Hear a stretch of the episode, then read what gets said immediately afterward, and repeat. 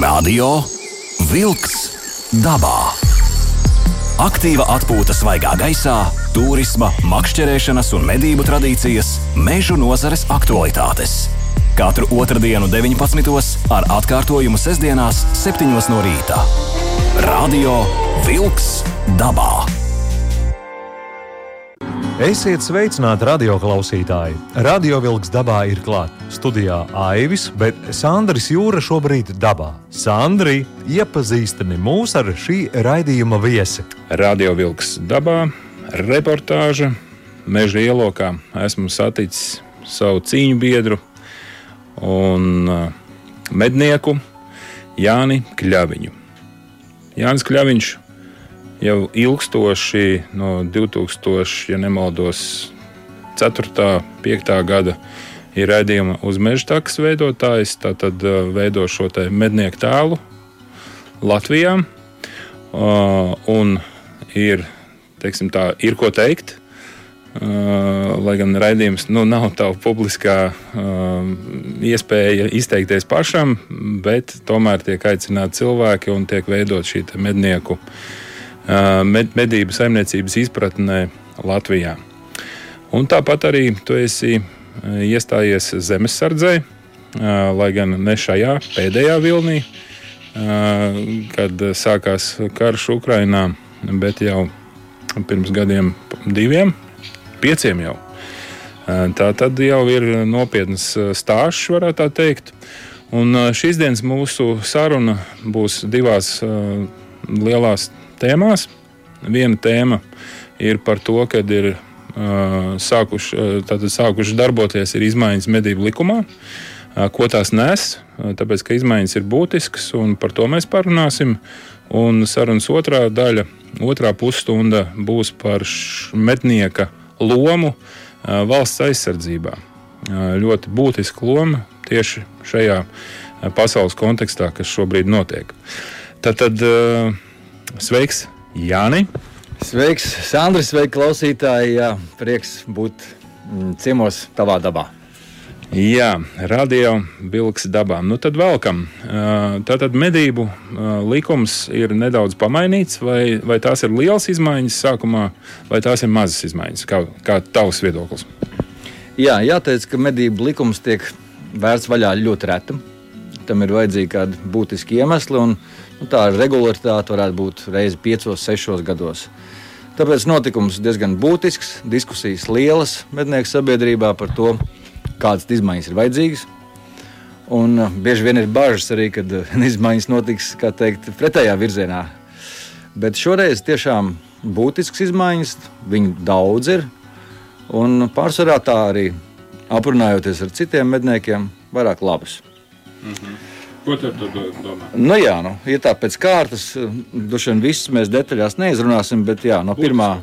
aprīļa likums ir stājies spēkā. Un, un tās būtiskās lietas es gribētu iezīmēt, kad mm, tātad medību iecirkņi, kuri ir mazāk par 350 hektāriem, vairāk nevarēs eksistēt. Te jāpaskaidro, varbūt sistēma, kāda bija pirms tam.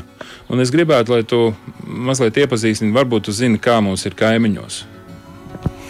Jā, nu līdz šim uh, varēja būt iecirknis arī ļoti maziņš, vai ne?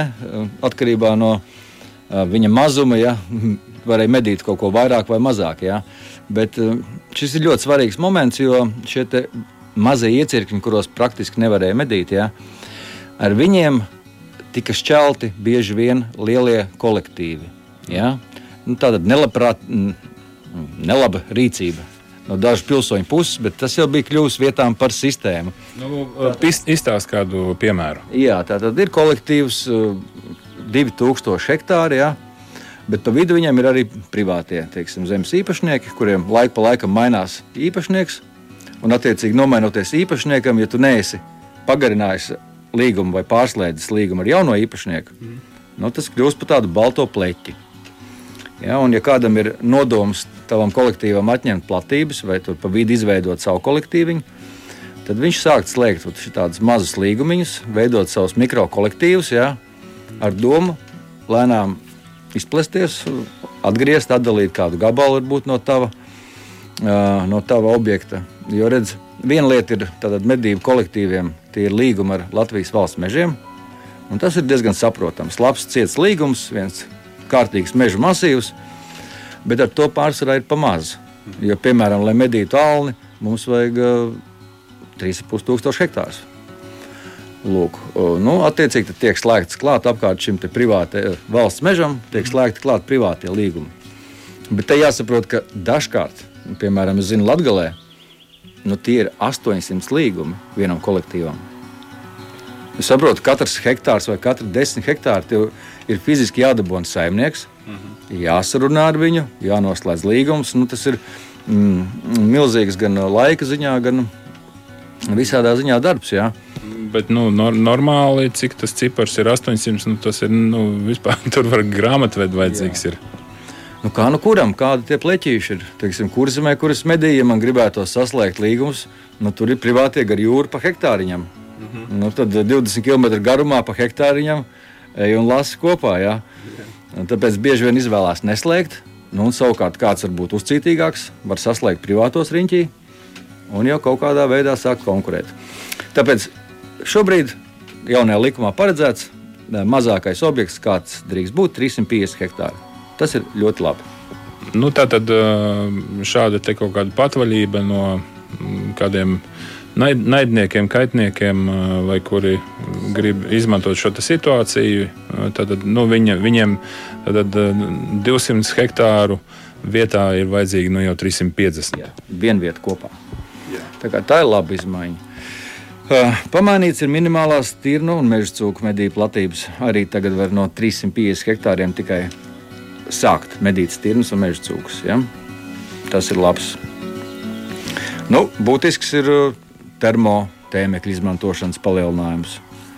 Agrāk mēs drīkstējām skatīties ar termotēmekļiem, bet medīt ar naktas redzamības ierīcēm. Uh, bet tikai cūkas, uh, ienācuņas un lapas. Ja? Postījuma vietās, naktīs tur nu tā. Tagad var termotēmekli likt virsū uz ieroci. Nu, tā ir tāda tehniska nianses, bet, eh, manuprāt, laikmetam ļoti atbilstoši, jo viss attīstās. Nu, te varbūt paskaidro, jo eh, tiešām eh, tehnoloģijas iet uz priekšu. Un kāds var teikt, nu, ko te jūs te tur tagad saliekat, visādas brīnumus virsū tās plīnas, nu, kur tad tam zvēram tā iespēja ir? Paskaidro specifiku, kāpēc tas ir vajadzīgs. Mm -hmm. nu, daudz vietu. Mm. Daudz vietā, pieņemsim, ir liela problēma ar meža cūkām. Tā skaita samazināšana, lai būtu mazināta postījums lauksaimniecībā, dažviet ir mērojama simtos meža cūku, kuras ir jāņem ārā no populācijas. Simtos. Un tad stāties priekšā, lai diennakts gaišajā laikā nomedītu meža cūku, nu, kas jau ir mega sarežģīti, jo viņas ir naktas dzīvnieki, nāk ārā ļoti vēlu un ar gaismu pazūd.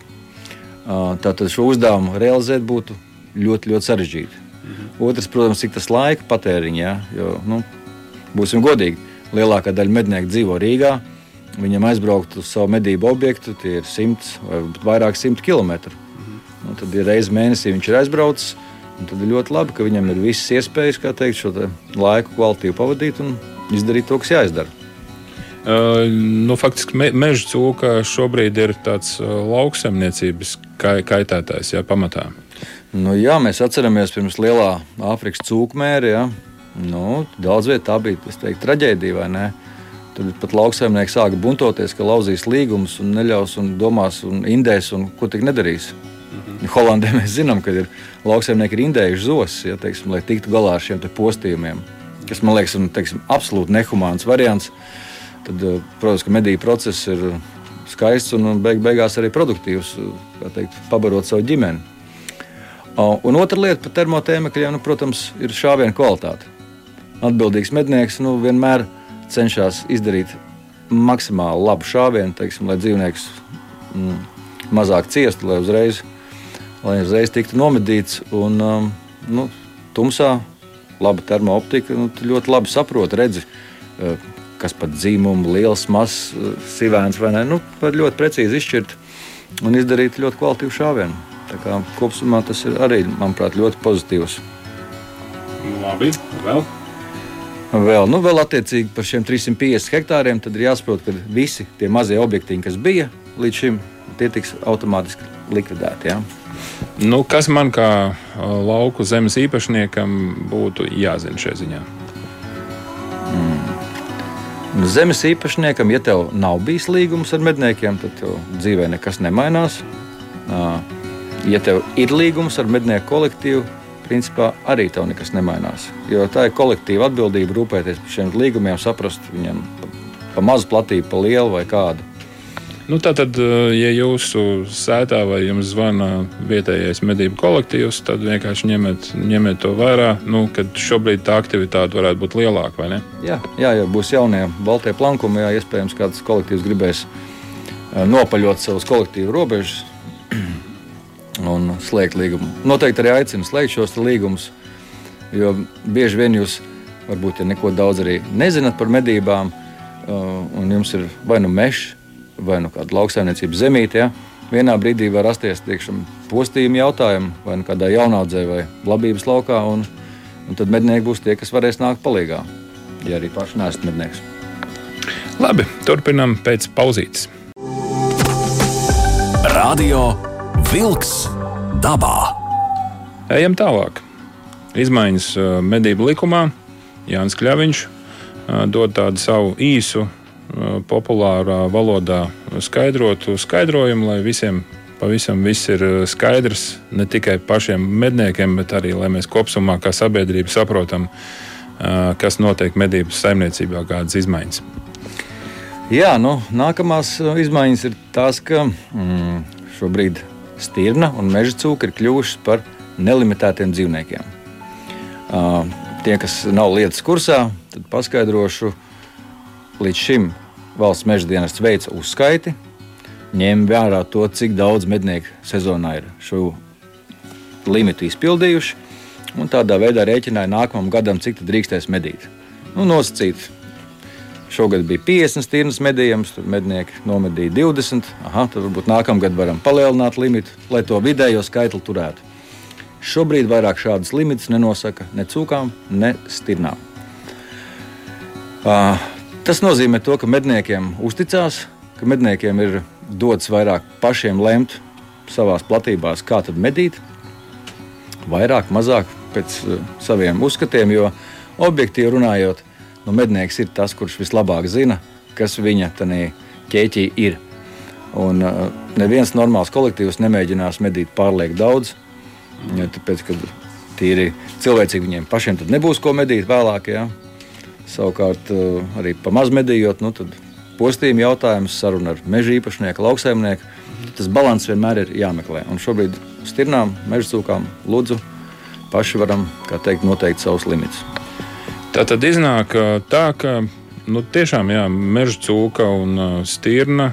Meža cūka varbūt ir lielāks medījums, nu, tā, nu, pēc tādas gaļas, ja mēs tā skatāmies, kas tad pēc tam sanāk pāri. Medniekam no, no stīrna varbūt nav tik liels. Bet tā tad bija šīs savilcītas, bet es saprotu, ka meža cūkām šīs savilces ir. Meža cūkām savilcēji jā, ir atstāti, jo tas ir saistīts joprojām ar Āfrikas cūku mēru. Nomedījot meža cūku, viņi tāpat tās ir jāiekarina dzēsētavā, asins jāvada uz analīzi. Tikai pēc tam var tad, lietot vai nu nelietot vai nu utilizēt šo te, uh, liemeni. Tāpēc tā sabildes ir atstāta, bet limits kā tāds netiek uzskaitīts. Nu, pa meža cūkām es saprotu. Meža cūka faktiski ir nu, problēma dzīvnieks visā Eiropā, ja nemaldos, dēļ šī Āfrikas cūku mēra. Uh, to meža cūku daudzums ir tik liels, ka šis Āfrikas cūkmērs nu, ļoti ātrā tempā izplatījās. Ja, un, faktiski lielākā deviņa, nu, cik tur rēķina, cik aizgāja bojā Āfrikas cūkmēru rezultātā populācija Latvijā cik daudz. Es domāju, tie bija noteikti visi 90%. Un, un principā jau ļoti labi arī nu, mērs. Kad tad mērs sākās? Mērs sākās, ja kaut kas savairojās. Un uz to brīdi mums tiešām meža sūkļi bija ļoti, ļoti pa daudz. Jo ir viens tāds lūzuma punkts, kad vairāk mednieki nosīt netiek galā ar viņām. Jo tu jau vari medīt katru dienu, katru otro dienu, bet tas jau, mēs zinām, medības tas nav kā uz veikala. Jā. Paskaidro meža cūks vispār to dabas ciklu, cik viena viens meža cūku pāris, ja tā var teikt, kādu var panākt progresīvu daudzumā. Nu jā, meža cūka ir visdinamiskākais mūsu pārnaģu pārstāvs. Jo viena cūciņai, nu, normālā metienā 8 sivēni, varbūt 12. Jā. Nu, tad iedomājieties, tad nākamajā gadā teorētiski tās mazās cūciņas jau var dzemdēt. Jā. Jau. Normāli nevajadzētu, bet pie, pie tik labas barības bāzes, kāda ir Latvijā, jā, tik līdz cūciņa sasniedz 80 kg dzīvumās, viņa jau var palikt grūsna. Un, un tad jau rēķina, iedomājieties, nākamā gadā, ja, ja tur ir piedzimuši astoņi vienai cūciņai, tur ir vēl četras cūciņas, kas iedod vēl astoņas. Vienādi sakot, populācija ļoti labi atkopjās, un šobrīd viņa daudz vietā Latvijā ir atkopusies. Tāpēc es aicinātu medniekus tomēr turpināt medīt, nemēģināt uzaugt atpakaļ to lielo skaitu, jo nu, mērs ir tā slimība, jo blīvums ir lielāks, jo viņš ātrāk izplatās. Ja? Vajadzētu to skaitu turēt tādā normālā robežā, divu iemeslu pēc - mērs un lauksaimnieki. Nu, ar ko tad eh, stirniņi ir mūs, mūs tā apbežojusi, ka mēs tagad eh, varam atļauties eh, faktiski nu, medīt kā, kā plēsēju, kā neplēsēju. Es nezinu, kam, kas vēl ir tie bez, bezlimita dzīvnieki, nu, ierastie mūsu. Nu, ierastie mums vienmēr bijuši lapas, jenots, bebrs. Nu, kas vēl prātā nāk? Nu, visi, protams, ūdens putni. Ja? Un iemesls tam ir tāds, ka pirmkārt, ļoti, ļoti stabils skaits, stabili pieaugušs skaits. Uh, Postījuma ziņā, ka būtu tās liela problēma ar stirnu, nav. Bet uh, stirna ir ļoti izteikts nometnieks. Šī konkrētā tavā pļaviņā, 10 hektāros, nu, tur dzīvo divas, trīs stirnas. Nu, ja tu nomedīsi to stirnu, tad tev tajā hektārā nebūs tās stirnas. Un viss. Jā. Tu maz vari ietekmēt kaimiņu kolektīvus ar savu kaut kādu rīcību, vai ne? Tu vari ietekmēt pats sevi. Ja, ja nu, rīkojies kaut kā negodprātīgi. Nu, tas ir tāds iznāk, jā, koks. Nu, faktiski nu, koks ar diviem galiem, es gribu teikt. Bet, pieņemsim, ja tagad mednieki, medniekiem vairs nav nekā jāatskaitās, tad iznāk nu, tāds tā kā ejam uh, veikalā un ņemam, ko gribam. Jā. Bet uh, veikalā ir skaits ierobežots. Neviens nepievedīs tev jaunas stirnas tavās medību platībās. Es pareizi saprotu. Jā, jā, tas ir taisnība. Bet mēs redzam, ka nu, mednieku ētika, mednieku zināšanas, mednieku rūpes par to savu vidi, kurā viņi saimnieko, viņi jau, nu, jau pēdējos desmit gadus saimnieko kā savā īpašumā. Jā. Un savā īpašumā nu, tu negribi skādi darīt. Tu izvērtē, kuru koku zāģēt. Jā kuru grāvīt, zemīt, pielīdzināt. Jau, tā mednieki lielākoties jau rīkojās Latvijā. Eh, kas, kas būtu tavs ieteikums tieši saistībā ar, ar stirnām? Ja? Varbūt nu, med, mednieks, varbūt kāds ir neizpratnē, nu, kā, kā tagad rīkoties, kā varbūt nu, medību kolektīvu vadītājs nu, domā, nu, kā tagad, nu, kā vispār kaut, kād, kā, kaut kādai kārtībai jābūt. Kāda ir varbūt tava rekomendācija? Uh, Eh, zinot eh, nu, ar tavām zināšanām, teiksim, kāda ir tava rekomendācija, kā rīkoties medību kolektīvu vadītājiem? Jā, es pieļauju, ka dažos kolektīvos varētu būt nu, spiediens no medniekiem. Nu, tad varbūt tās tagad medījiem drusku vairāk. Un varbūt arī ir jāmedī drusku vairāk. Bet nu, es ieteiktu šogad neko nesasteigt. Medīt tā, kā medījāt iepriekš. Un gada beigās paskatīties, kā tie rezultāti mainījušies, kā populācija dinamiski pieauga, nepieauga. Jo ir jau kolektīvi, kur ļoti labi seko līdzi. Ziemas barības vietās viņi zina precīzi stirnu, vaigāk konkrēto.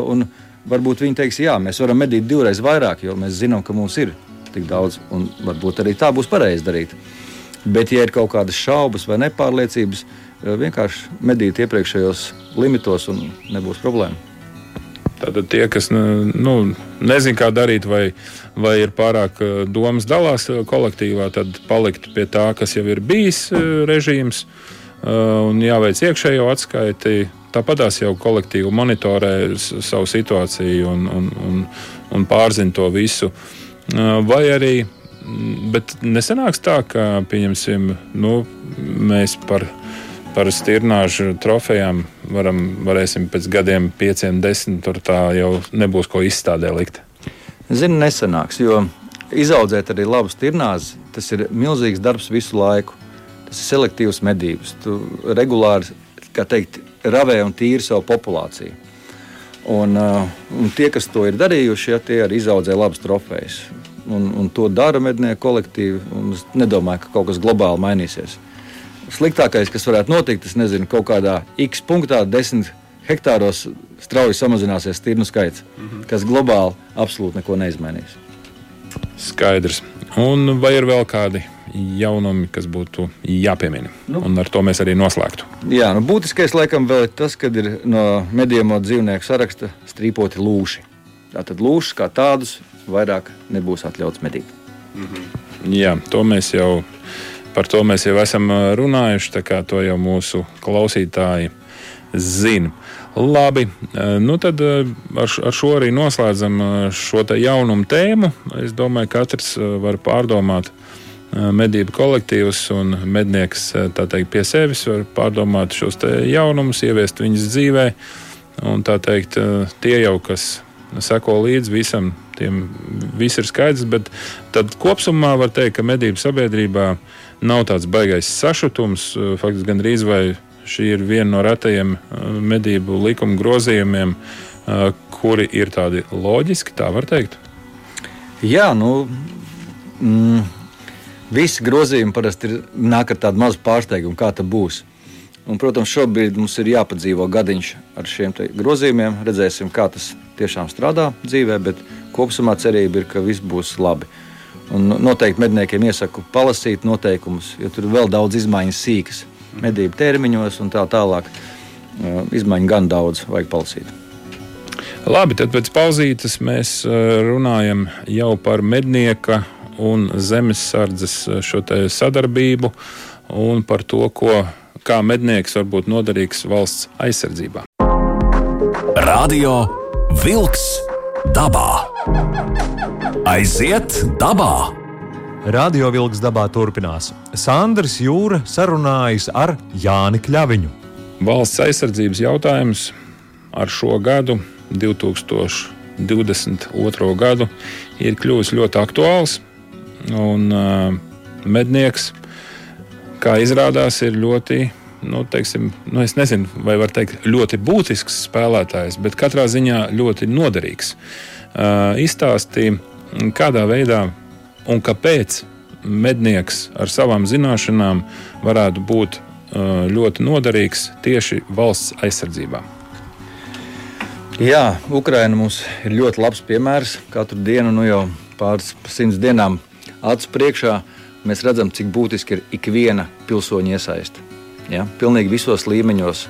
Ja visi tauti iesaistās, tad šo kariņu var pavilkt.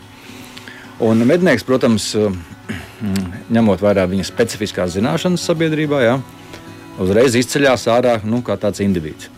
Par šo punktu es gribētu padziļināt, parunāt, jo es nezinu, varbūt, varbūt man tāds priekšstats radies no, no tā, kā sabiedrība reaģē uz mednieku nepelēt man skaļi. Uh, vai, vai ļoti.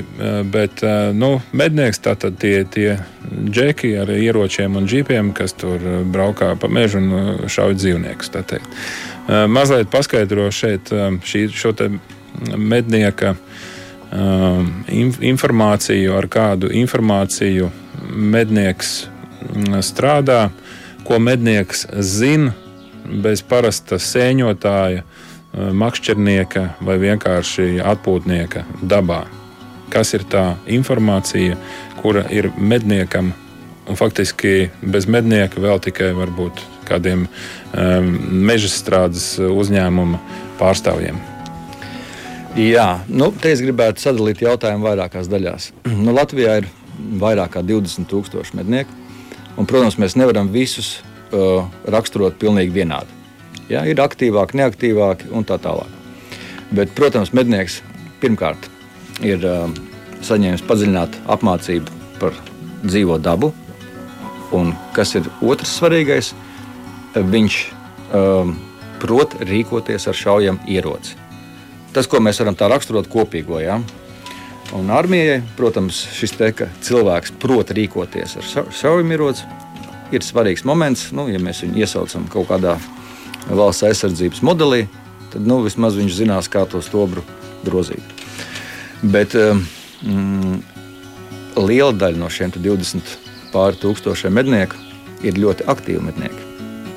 Pirmkārt, ar augstu morālo, un uh, augsts morālais nozīmē arī bieži trenēties šaušanā. Latvijā ir pieejams ļoti daudz šautavus, notiek ļoti daudz sacensības, un uh, liela mednieku grupa ir labi šāvēji. Ja, tas jau ir interesanti un izmantojami potenciāli zemesardzē vai armijai. Labi, šaušanas prasmes tas būtu loģiski, tas ir diezgan skaidrs. Bet es gribētu jautāt par to, ka Latvija, faktiski visa Latvija, un ne tikai Latvija, vis, visas valsts pasaulē, nu ne jau varbūt simtprocentīgi visas, bet nu, liela daļa ir faktiski tāda medību uh, saimniecība, nu, tādā ziņā kā medību teritorijas, kurās notiek šī mednieciskā saimnieciskā darbība. Un, un tātad, tāpatās arī Latvijā kolektīvam, kolektīvs pārvalda, nu, kā kurā vietā, bet nu, 3, 4, 5, 6 septiņi, astoņi pat, citreiz pat vēl vairāk, tūkstoši hektāru. Tātad tās ir milzīgas teritorijas. Tur ir jāierīko barotavs, tur ir jāierīko turnīši un tā tālāk. Un tā tālāk. Un tas viss ir jāizbraukā, un tas viss ir jāpārvalda. Un, uh, es gribētu tev šo kontekstu tīri apvidus apzināšanu, jo uh, tu vari salīdzināt, kādā veidā uh, apvidu vai teritoriju nu, teiksim, iepazīst, iepazīst armijas domājošs cilvēks un mednieks. Vai tur ir līdzības un cik ātri tas notiek? Jā, nu šī būtu tā otrā un es teiktu pati svarīgākā lieta. Ja es tagad raugos no zemesargu viedokļa, ja, un šobrīd vēlāk mēs parunāsim par to modeli, kāda zemesargi sagaida no mednieku šo sadarbību. Ja, bet tā būtu tā man lielākā vērtība. Sadarboties ar medniekiem, kuri ļoti, ļoti labi pārzina savu medību objektu. Ja, jo kaut kādas militāras darbības rezultātā sauksim viņu par gidu, kurš var parādīt pārejas pār purviem, taciņas, kurš iespējams, ja jau ir apmācīts, var nogāzt kādu koku, kur vajag nogāzt koku, un tā tālāk. Ja. Nu, šādas zināšanas ir unikālas. Tāpēc, ka Latvijas teritorija ir milzīga, Un, protams, zemesardzes bataljoni arī diezgan labi orientējās uh, savā, savā apvidū. Ja? Bet vis tālākie nostūrīši, mēs zinām, protams, ir, ir neskarti. Tur iespējams ir tikai mežkungs bijis un, mešsar, un mednieks. Mm -hmm. Un tas arī ir tas pats galvenais akcents, uz ko aicina mednieks sadarboties, ja, kad tieši šīs zināšanas par konkrēto teritoriju. Jā, man liekas, tas ir ļoti ļoti svarīgi. Un varbūt tā ātri domājot, tas pat tā liekas, nu, jā, īstenībā mednieks, taču, nu, medniekam ir jāzina, kur ir zvēru pārējais. Kur ir tie zvēri, kur šitie zvēri. Un jāizbraukā katrs tas meža stūrīts. Ja sēņotājs tur brauc un nogotājs uz savām skaidrajām vietām un tad apmaldās. Ja. Es nezinu, vai ir bijis kāds gadījums, kad mednieks apmaldās savās platībās. Noteikti ir gadījies, bet atceros, kad Es savā platībās sāku medīt pirms vairāk kā desmit gadiem. 8000 hektārus es iepazinu gandrīz divus gadus. Ļoti skurpulos braukājot ar kvadrciklu, kur taciņa, kur stīdziņa, kur slapjumiņš, ja, kur ko kā. Un, nu, jā, tie bija divi gadi. Neviens no zemesardzes to nevar atļauties tādā mazā pleķītī. Um, tāpēc jā, tas ir svarīgi un noteikti mednieka vērīgums. Iedomājies, tādu aģentu, ja, kurš zina savu teritoriju, kuram ir termokamera, un viņš man var piezvanīt, pateikt, aizbrauca trīs tādas un tādas mašīnas. Mhm. Viņš paliks nemanīts, viņš zinās, kur ir jāskatās, viņš zinās, kā noziņot. Fantastiski, vai ne?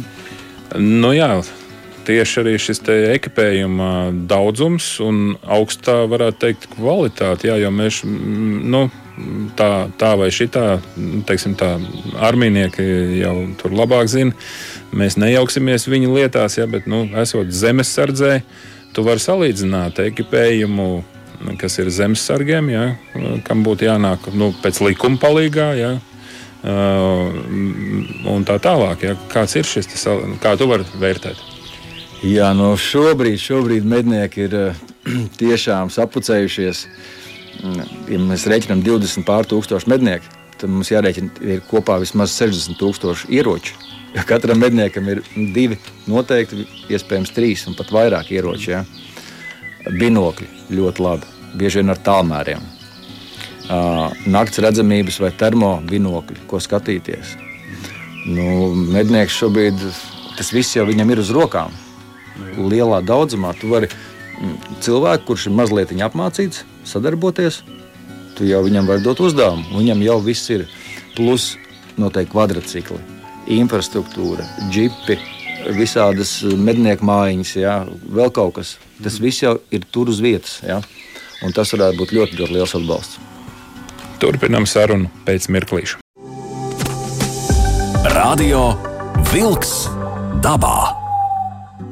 Runājam par mednieka nozīmi Latvijas aizsardzības jautājumos.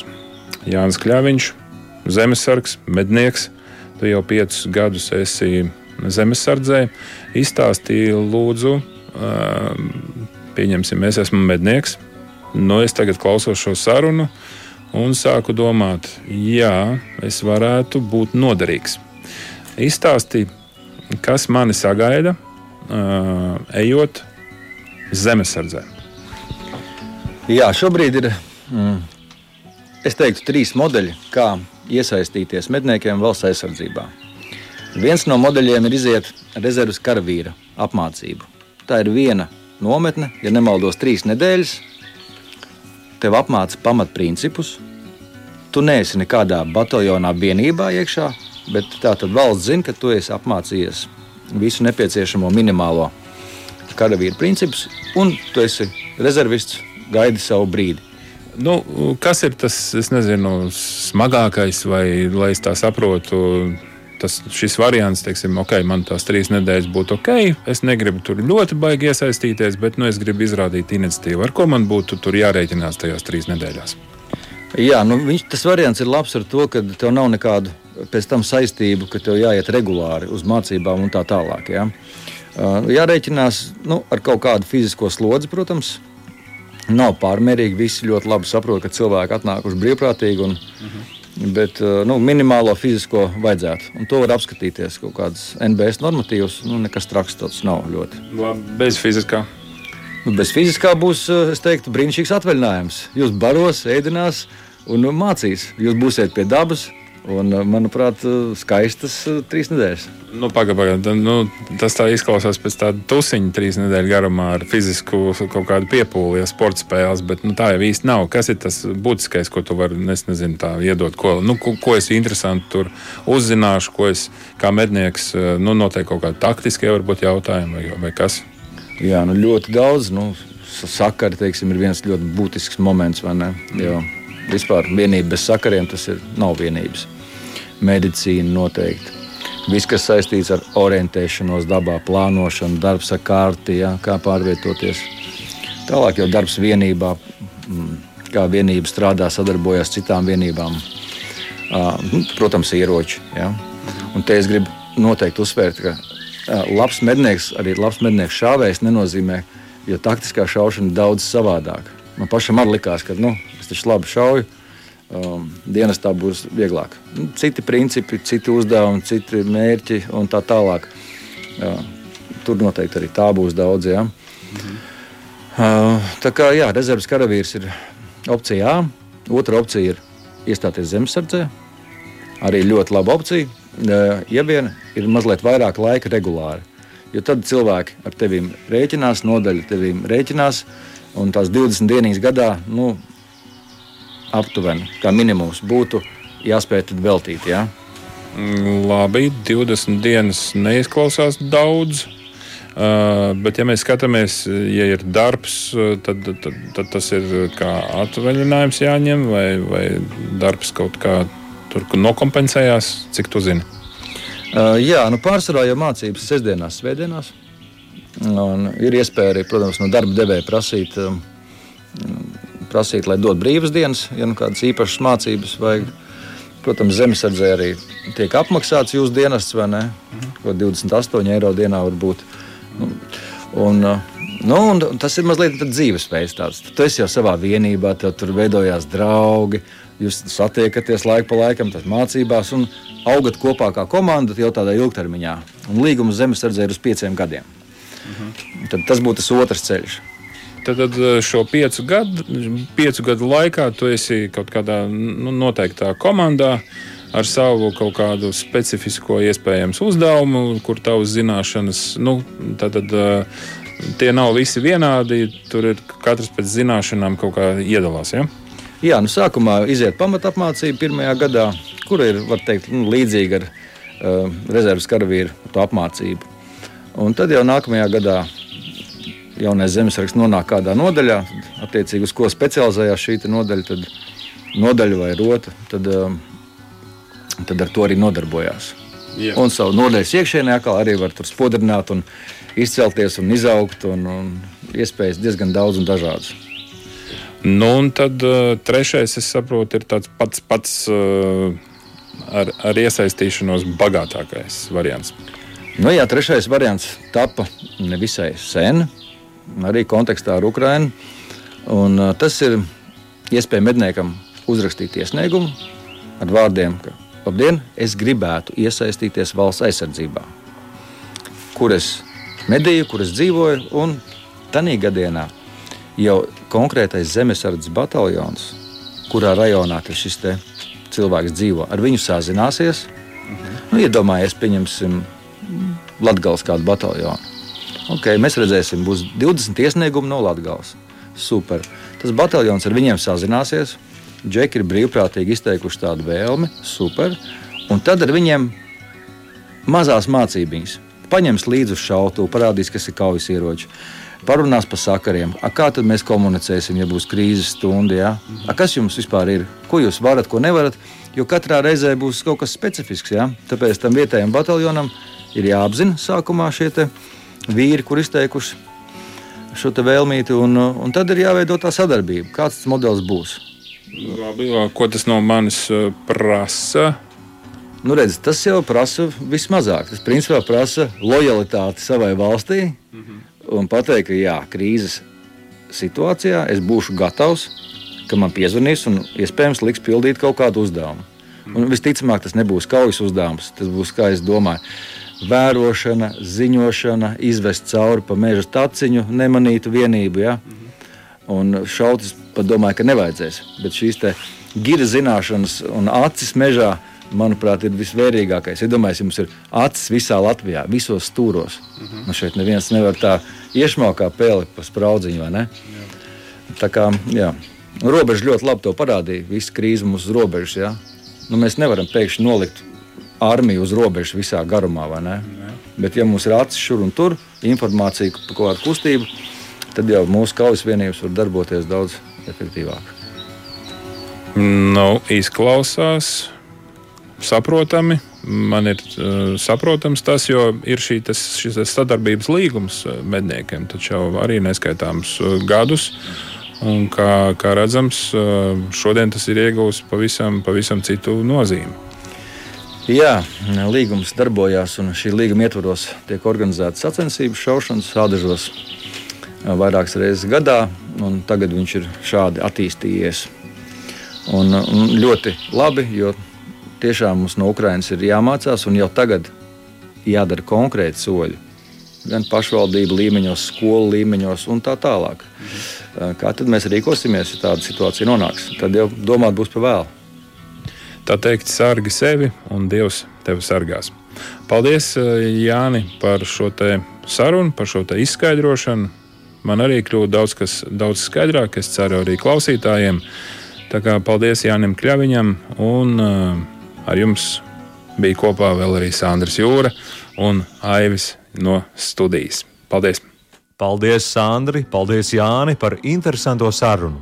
Līdz ar to Radio Vilks dabā ir izskanējis uz sadzirdēšanos. Izskan raidījums Radio Wolks dabā.